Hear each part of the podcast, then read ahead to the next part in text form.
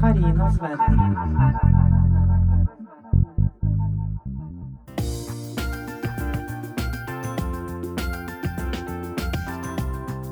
På tide med en eh, tepause.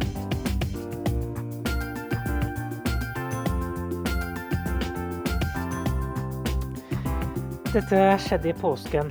Jeg var på Nordmøre og besøkte mine foreldre mellom de sunndalske fjell, og jeg visste jo ikke da at dette var foranledningen til det som skulle skje. Lag deg en kopp te og hør historien.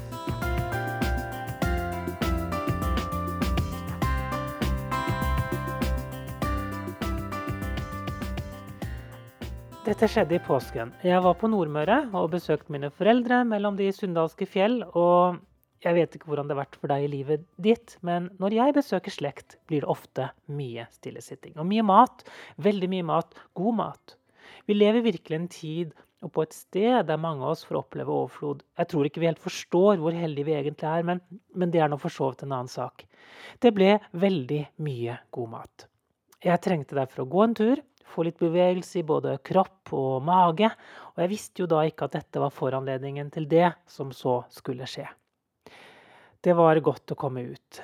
Kjenne den friske luften som sakte hadde vandret ned fra fjellene på sin vei ut mot kysten. Jeg gikk gatelangs og forbi brannstasjonen, og da jeg var barn, var det en sti som kom ut bak brannstasjonen, og jeg tenkte at det kunne være spennende å se om jeg fant tilbake til denne stien. Noen spreke byks, som om den barnlige energien fra den samme tiden fremdeles kunne huskes av kroppen min. Så fulgte det som kunne være starten på en sti. Men så ble det stopp. Området besto utelukkende av kratt. Noe som kunne vært resten av en sti, kunne ses litt her og der, og jeg forsøkte å følge den mens jeg banet meg stadig vei lenger inn i krattet. Minnet om stien var friskt, og opplevelsen av kvister som til stadig slo mot meg, var også det.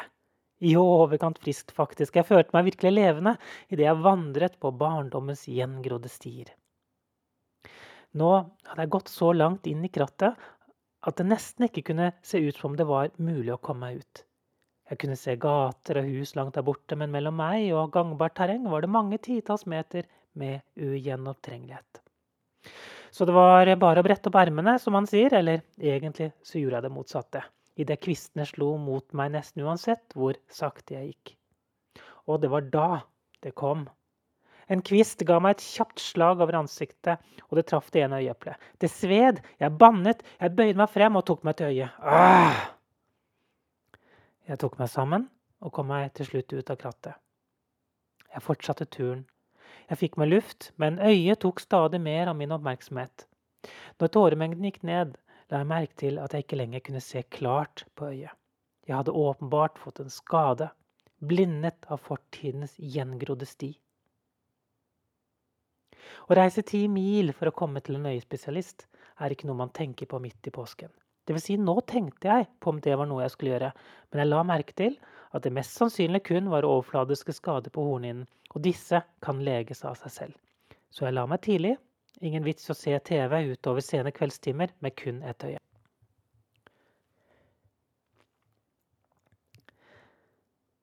Jeg drømte mye den natten, og da jeg våknet, kunne jeg se at øyet allerede fungerte bedre.